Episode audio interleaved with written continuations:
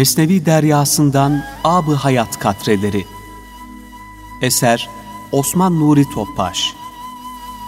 Seslendirenler Yusuf Ziya Özkan Hayri Küçükdeniz Selahattin Koca Aslan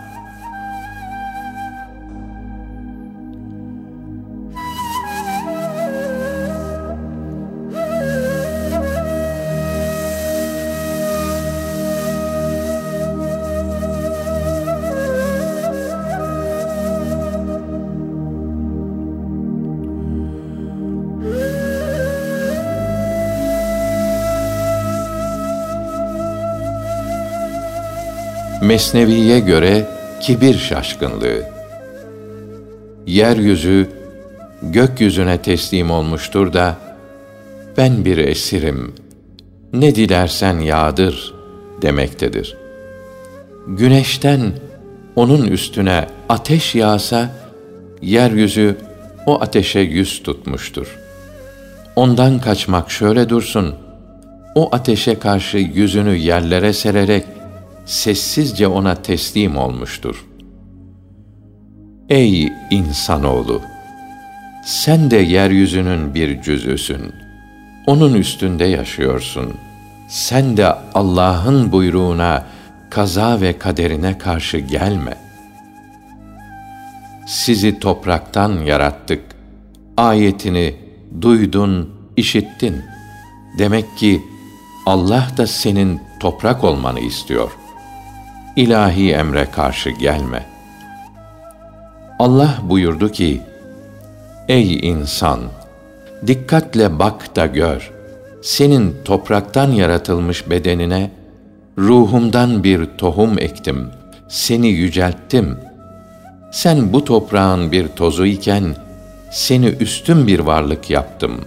Sana akıl verdim, aşk verdim.'' Sen bir hamle daha yap da topraklığı yani tevazu kendine sıfat, huy edin. Ben de seni bütün yarattıklarımın üstüne emir kılayım. Mesnevi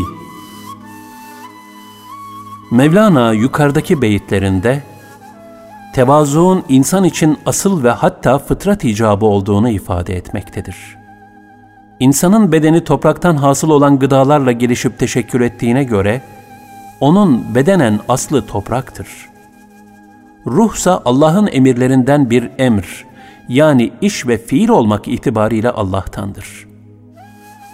İnsanı bütün mahlukata üstün kılan ve yeryüzünde Allah'ın halifesi olarak telakki ettiren amil, insan bedenine ilahi bir nefha, üfürmeyle dahil olan ruhtur.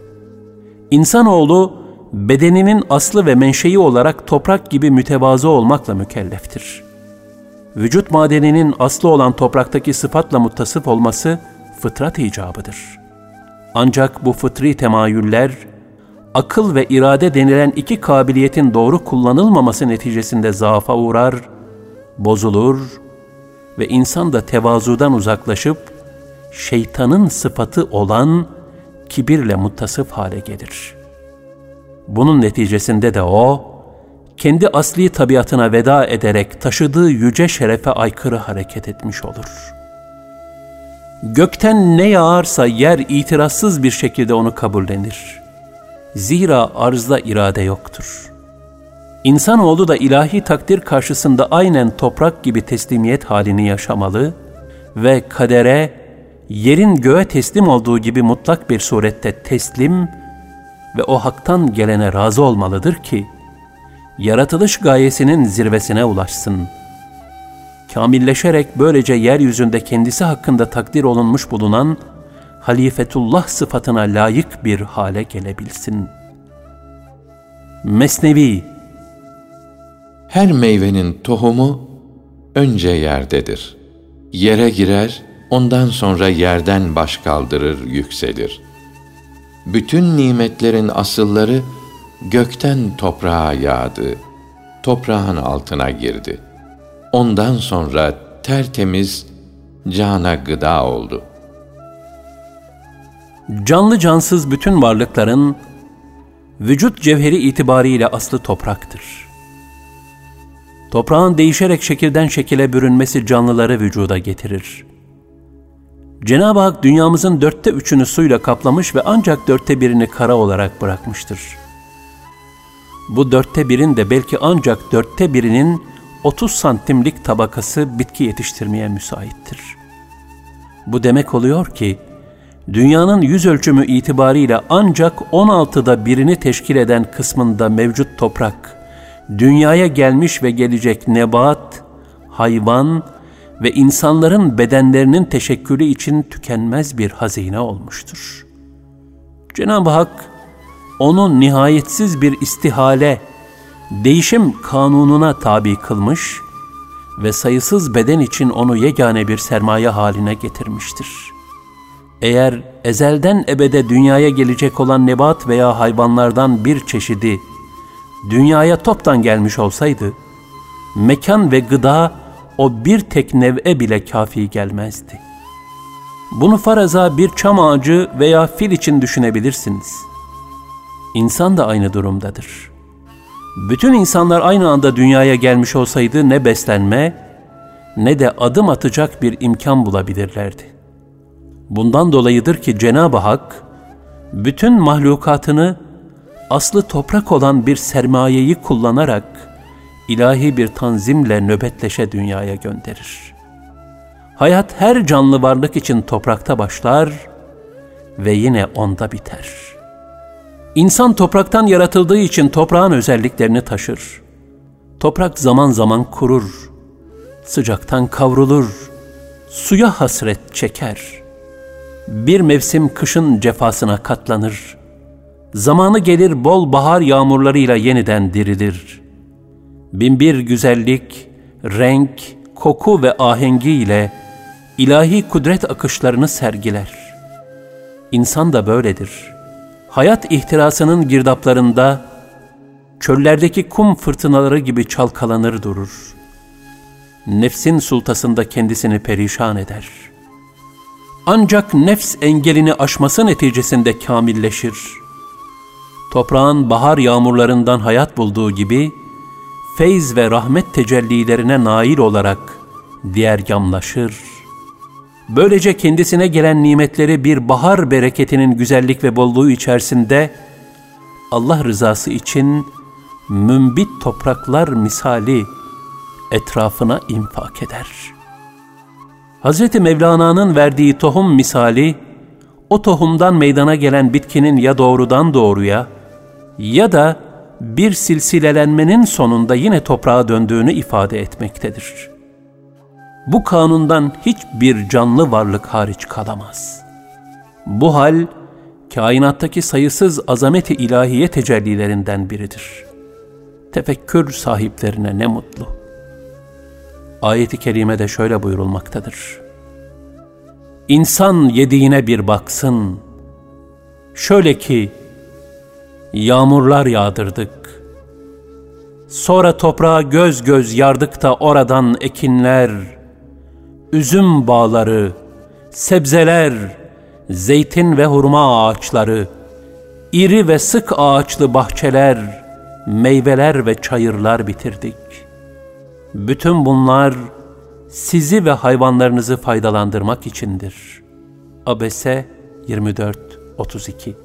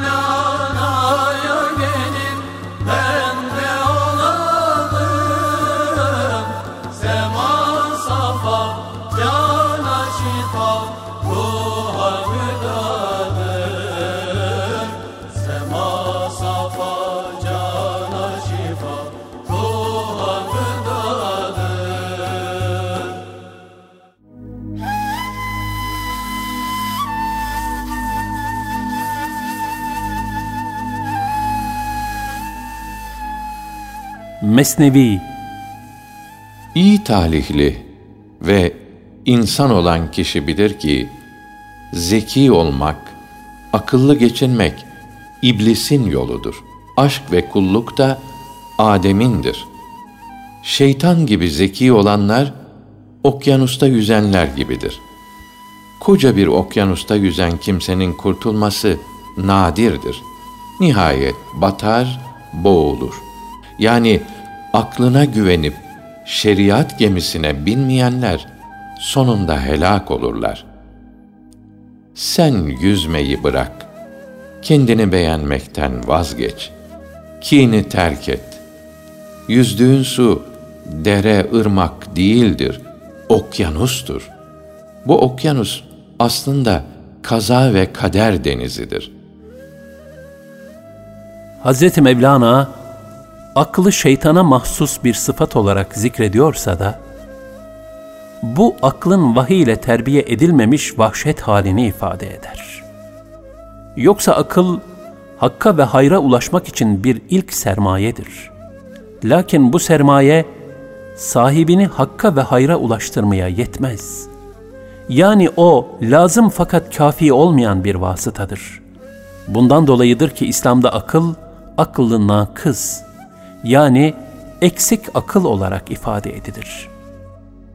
Aklın kemali, kendi kifayetsizliğini telakki ederek, bunu telafiye medar olacak, vahye bağlanabilmekle, yani teslimiyetle mümkündür.'' Akıl Rabbimizin büyük bir nimetidir. Ancak bu nimet vahyin yani kitap ve sünnetin içinde bir kıymet ifade eder.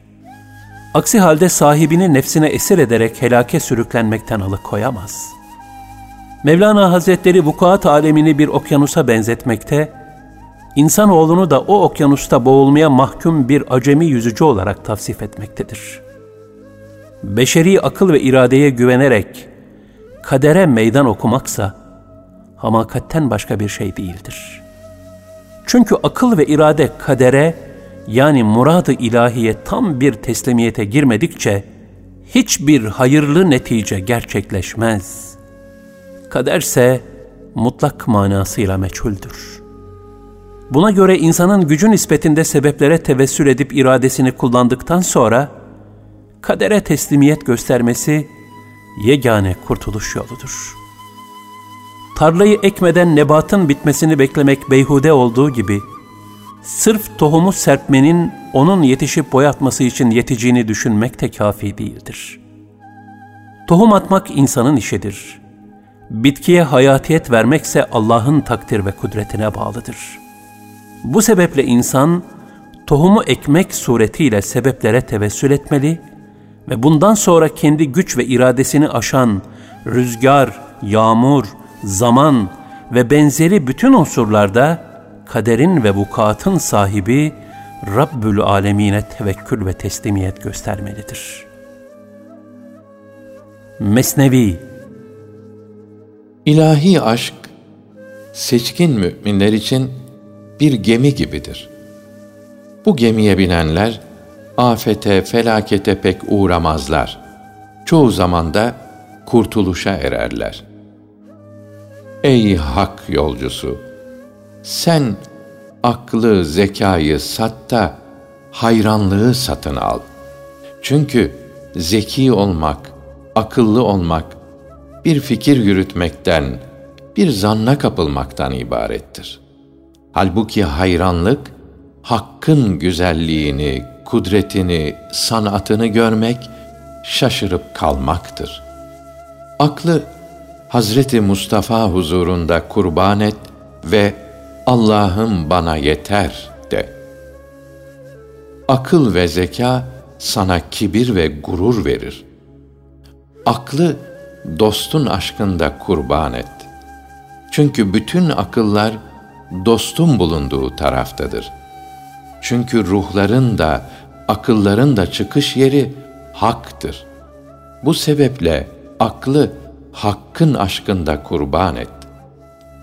Akıllı olanlar akıllarını dostun bulunduğu yere, ötelere göndermişlerdir. Bu dünyada kalan akıl ise sevgiden haberi olmayan, sevmeyen, sevilmeyen, ahmak olan akıldır.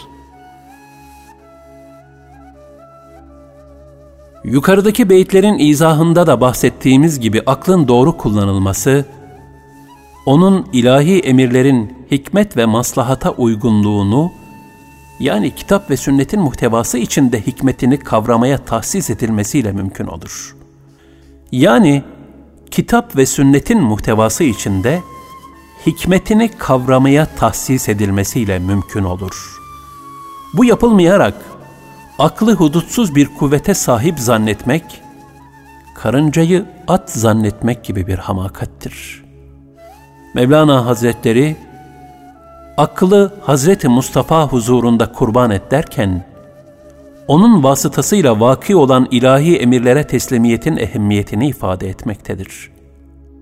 Akıl bu suretle adeta azgın bir at gibi vahyin dizginiyle dizginlenmedikçe, sahibini hadsiz hudutsuz iddialara ve bunların neticesi olan felaketlere sürükler.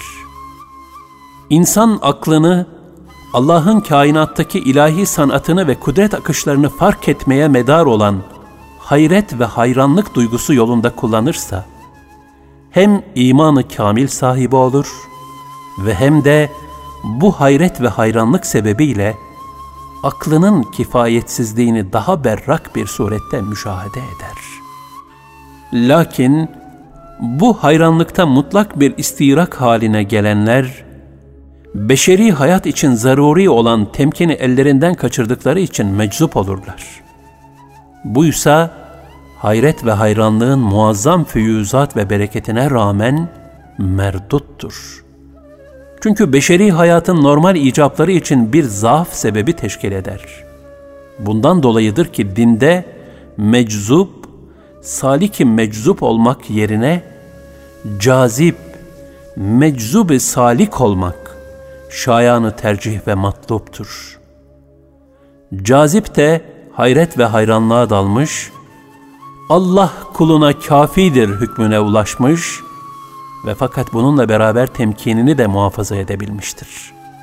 Mevlana'nın tervic eylediği aşk ve istirak hiç şüphesiz böyle temkinle zarflandırılmış bir muhtevadaki aşk ve istiraktır. Mesnevi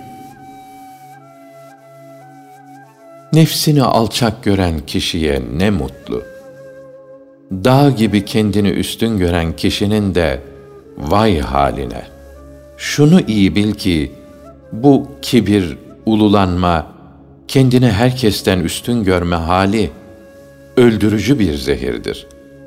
Ahmaklar bu zehirli şarabı içerek sarhoş olurlar. Bir müminin birçok beşeri meziyetlere sahip olmasına rağmen nefsini kifayetsiz telakki ederek tevazu tacı ile taşlanması gerekir ki olgunluk yolunda ilerleme nasip ve lütfuna malik olsun. Zira kendini mükemmel kabul edenler eksiklerini düzeltmeye yönelmezler. Çünkü o eksikliklerin varlığını kabul etmezler. Bu ancak o eksiklikleri idrak edip kendini böbürlenmekten koruyabilenlerin işidir.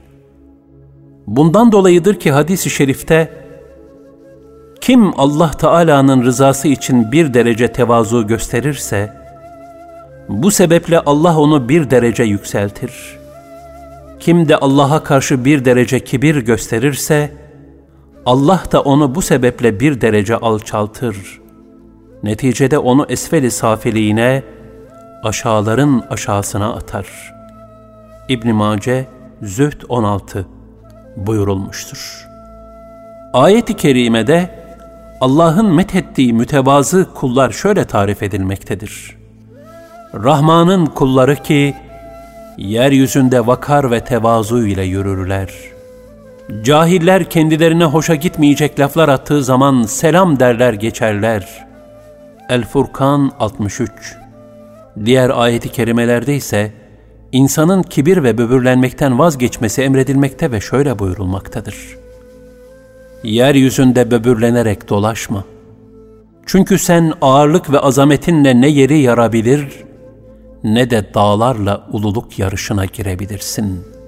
El-İsra 37 Küçümseyerek insanlardan yüz çevirme ve yeryüzünde böbürlenerek yürüme. Zira Allah kendini beğenmiş, övünüp duran kimseleri asla sevmez. Lokman 18 Şuna dikkat etmelidir ki, tevazu bir kul için meziyet olmakla beraber, Allah'ın kendisine lütfettiği nimetlerini yok saymaya sebep olmamalıdır. Buradaki incelik, o nimetlerin idrakinde olmakla beraber, bunları Cenab-ı Hakk'a izafe edebilmek dirayetidir. Buna dinde tahdis-i nimet, yani nimetlerin Cenab-ı Hakk'a ait olmak şartıyla, varlığını idrak edip şükürde bulunmak denir. Bu kibirlenme değildir. Kibirlenme, o nimetleri nefsine ait kabul etmek, yani kendinden bilmektir. Karun'u nefsinin anaforunda helake sürükleyen ve nihayet yerin dibine geçmesine sebep olan bu benliktir. Şu halde Mevlana Hazretlerinin yukarıdan beri akıl, irade, tevazu ve kibir gibi mefhumlar hakkında irade eylediği sözleri bu fikri zeminde telakki etmek gerekir.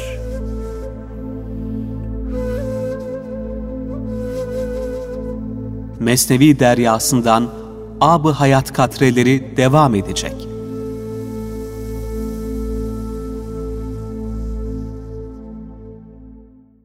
Hak mürşitten sen al ders Dünyaya etme heves. Hak mürşitten sen al ders Dünyaya etme heves.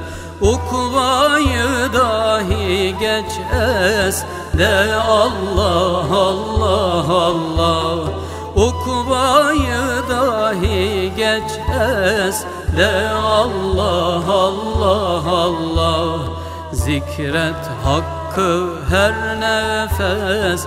Gayriden meylini kes. Zikret hakkı her nefes.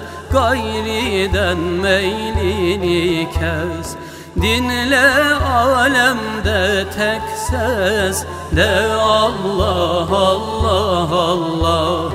Dinle alemde tek ses De Allah Allah Allah. Hiçbir şey yoktur abes Var olan her şey enfes.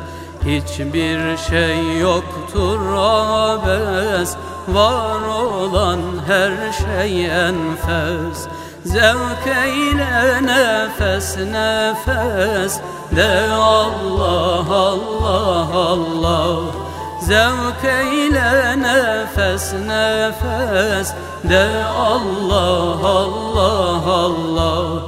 Ahmet sen olma ne kez Her şey fani Allah bez Ahmet sen olma ne kez Her şey fani Allah bez Bu andır bezmi elest De Allah Allah Allah. Bu andır bezmi elest De Allah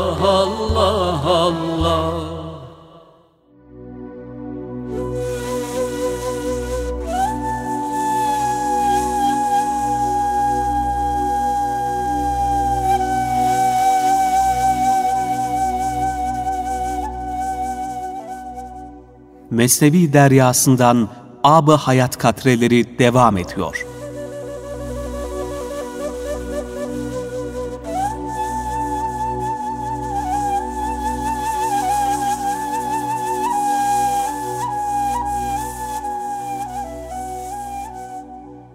Mesnevi Padişahın biri bir padişaha galip gelirse onu ya öldürür yahut zindana attırır. Fakat aynı padişah bir düşkün yaralıyı, zavallı bir dertliyi bulursa yarasına merhem kor, ona ihsanda bulunur. Kendini üstün görmek, padişah olduğu için kibirlenmek bir zehir olmasaydı, o galip padişah, mağlup ve esir olmuş padişahı, suçu olmadığı halde niçin öldürürdü? O düşkün dertliye, kendisine bir hizmette, bir kullukta bulunmadığı halde, neden iyilik ediyor, ona acıyor? Bu iki duruma bakıp, kibrin nasıl bir zehir olduğunu anlaman mümkündür. Mevlana Hazretlerinin yukarıdaki beytlerde zikrettiği misal, tevazu ve kibrin muhataplarında husule getirdiği iradi tezahürleri anlatmaktadır.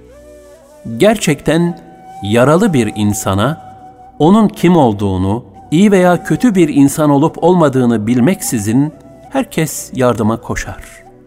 Çünkü onun muzdarip hali onu görenlerin merhamet ve yardım duygularını tahrik eder. Kibirli ve iddialı bir insanınsa muhatabında hasıl edeceği hisler bunun tam aksinedir. Onu rekabete sevk eder. İş güç gösterisine döner. Bu demektir ki tevazu, beşeri dertlere deva ve acizliklere çare bulmak hususunda sahibi için büyük bir nimet olduğu halde kibirli bu nimeti peşinen ve kendi elleriyle yok etmiş olur. Hulasaten tevazu ve acziyet merhameti celbeder. Hem Allah katında hem de kul katında. Mesnevi Bir takım kötü kişilerin elinden kurtarabilmek için Hızır aleyhisselam gemiyi deldi, sakatladı. Madem ki kırık olan, dökülen, perişan olan kurtuluyor, sen de kırıl, dökül, perişan ol. Kurtuluş ve selamet yokluktadır. Haydi sen de benlikten, varlıktan kurtul, yokluğa doğru git. İçindeki madende birazcık altın yahut gümüş bulunan bir dağ, kazma yaralarıyla paramparça olur. Kılıç, boynu olan kişinin boynunu keser.'' Gölge ise yerlere serilmiştir. Boynu ve bedeni olmadığı için onun yaralanması ve kesilmesi de yoktur. Mevlana Hazretleri yukarıdaki beyitlerinde de aynı gerçeği bir başka cihetle ifade etmektedir. Şöyle ki, mütekebbir olanlar, kendilerinde vehmettikleri meziyeti sağa sola mübalağa ile takdim ettiklerinden, muhatapların iştahını kabartır ve onların husumetlerini celbeder. Meşhur bir darbu meselde, bülbülün çektiği dili belasıdır denilmiştir. Bu demektir ki bülbülün o güzel namesi olmasa, kimse onu kafese sokmaz. Gerçekten hiçbir zaman kafeste karga beslendiği görülmemiştir. Buradan çıkan bir netice olarak, şunu da söylemek lazımdır ki, meziyetli insanın hasmı bulunmak, adeta dünyada menfi bir kaidedir. Velev böyle bir insan, peygamberler gibi yalnızca hayır ve fazilet tevziyi vasfında bulunsa bile. Bu gerçeği ifade için şair, Na ehil olur muarıza ehil, her Ahmet'e bulunur bir Ebu Cehil demiştir. Mesnevi Ey dünya malı için çırpınan ve dünyaya tapan gafil! Firavun'da olan kötü ahlak tamamiyle sende de var. Sen de kibirlisin, sen de kendini beğeniyorsun. Sen de mal ve şehvet peşinde koşuyorsun. Fakat senin ejderhan, yani nefsin acizlik, yoksulluk kuyusuna düşmüş, çaresiz kalmış da Firavun gibi saldıramıyor, bir şey yapamıyor. Yazıklar olsun. Bu söylenilen sözlerin hepsi de senin hallerin, senin kötü huylarındır. Tutuyor sen onları Firavun'un üstüne atıyorsun. Halbuki senin kötü hallerinden, kötü huylarından söz edilse canın sıkılır, hoşuna gitmez. Başkalarından bahsedilse sana masal gibi gelir.'' her insanda nefsaniyet ve ruhaniyet temayülleri bir arada bulunur. Zira Cenab-ı Hak Kur'an-ı Kerim'de nefse ve onu yaratılış maksadına uygun olarak şekillendirip ona fücur ve takvasını ilham edene andolsun. Eşşems 7-8 buyurmuştur. Fücur ve takva insana daima telkin ve fısıltı halindedir. Bu yüzden insan şahsiyeti hayra sevk eden ruhaniyet veya rahmaniyetle şerre sevk eden nefsaniyet arasında bir çatışma yani harp sahası gibidir. İnsanoğlunun nefsine mutlak bir surette galip geldiği takdirde melekten üstün, aksine ona yenilip tam manasıyla tabi olduğu takdirde de hayvandan aşağı, belhüm edal olduğu kabul edilmiştir. Bu melekten üstünlük keyfiyeti, meleğin hayra ve hakka yönelmek hususunda önünde nefs gibi bir engel bulunmamasına mukabil, insanoğlunun böyle müthiş bir engeli aşmasından dolayıdır. Bunun manası, her insanda meknuz, müessir bir firavun olmak temayülü vardır. Lakin herkesin şartları ve imkanları bir ve aynı olmadığından, kiminde bu temayül küçük küçük filizler halinde mevcut bulunmasına mukabil, kiminde de imkanların el vermesiyle dehameleşir, yani anormal derecede büyür, gelişir. Mevlana Hazretleri bu nükteye işaret ederek, tarihteki meşhur firavunu tenkit ve tariz oklarına hedef kılanların, kendi nefislerinde de küçük bir firavun mevcut olduğunu unutmamalarını ister. Zira bu küçücük firavun, şartları itibariyle tarihteki meşhur firavunun şartlarının mükemmelliğine ulaşamadığı için kendi kabuğunda kalmıştır. Şayet o da gelişme imkanı bulmuş olsa, zulmü ve benliğiyle müşahhaslaşmış Firavundan asla geri kalmazdı. Bu suretle Hazreti Mevlana, başkalarını tenkit edenlerin de çoğu kere o tenkitten kendi nefislerinin beri olduğu zannıyla kendini kandırdıklarını ve bu halin kibirden neş'et ettiğini işaret etmektedir. Yine aynı manayı tekit eden başka bir beytinde Mevlana Hazretleri şöyle buyurmaktadır. Kibir, kendini üstün görür, durmadan mevki, rütbe, mal ve mülk arar. Çünkü külhan tezekle kızışır. Bu iki dadı yani mevki ile mal deriyi semirtir, kalınlaştırır. İçine yağ, et, kibir ve gurur doldurur. Nefse Gelir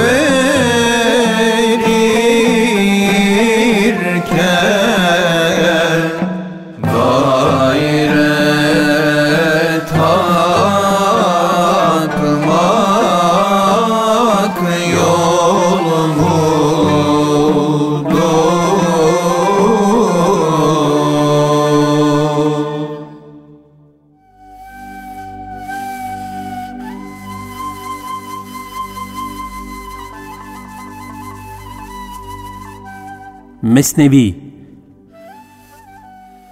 Kibir yolunda önde giden, yol gösteren iblistir.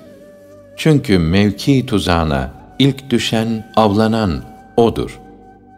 Bu hastalık iblis hastalığıdır. İblis benliğe kapılmıştı da ben Adem'den daha hayırlıyım demişti. Aslında bu hastalık her mahlukun, her insanın nefsinde vardır. Ey alçak gönüllülük, tevazu perdesi altında benlik hastalığını gizleyen kişi. Birisi denemek kastı ile seni kızdıracak, coşturacak, karıştıracak olursa, içinde pislik bulunan su bulanır da pisliğin rengi meydana çıkar. Mahlukat içinde sadece insanlar ve onlarla birlikte cinler nefs ile mücehhezdirler. Şeytan da Allah'a asi olmadan evvel meşhur bir kanaate göre, meleklerin hocası olduğu halde, cin soyundan bulunmak itibariyle nefse malikti. Bu yüzden Cenab-ı Hakk'ın Adem'e secde edilmesi hususundaki emrine melekler tereddütsüzce uydukları halde, şeytan bir kıyas yaparak, ateşten yaratılmış olan kendisinin, topraktan yaratılmış olan Adem'e faikiyetini, üstünlüğünü iddia ile ona secde etmekten imtina etmiş ve Allah'a asi olmuştur. Allah Teala şeytana hanginiz üstün diye sormamıştı. Ondan secde emrine itaat etmesini istemişti. Şeytansa Cenab-ı Hakk'ın bu emrini görmezden gelerek bir kıyaslamaya gitti. Bizler de Cenab-ı Hakk'ın açık emirleri karşısında kaçış yolları arar. Cüz'i aklımızla bu emir ve yasakları bertaraf etmek için aciz aklın çarelerine başvurursak, şeytanın düştüğü felaket ve hüsrana düçar oluruz. Mesela riba ile iş görüp, ben bununla zengin olup hayır ve hasenat yapmak istiyorum diyenler gibi. Yukarıda zikredildiği üzere, nefs engeline takılarak, ilahi emre muhalefet etme yolunda ilk örnek şeytan olduğundan, bu tarzdaki bütün fiillerin kaynağını teşkil eden tekebbür, kibirlenme, şeytana izafe edilmiş ve bu babtaki ameller şeytanın amelleri olarak kabul edilmiştir. Mevlana kibir saiki ile haktan yüz çevirenleri bu sebeple şeytanın etbaı yani ona tabi olanlar şeklinde telakki ve beyan buyurmaktadır. Şeytanın bu ilk ameline paralel düşenler de şeytan gibi merdut, reddolunmuş ve makhur, kahrolunmuş olmaktan kurtulamazlar.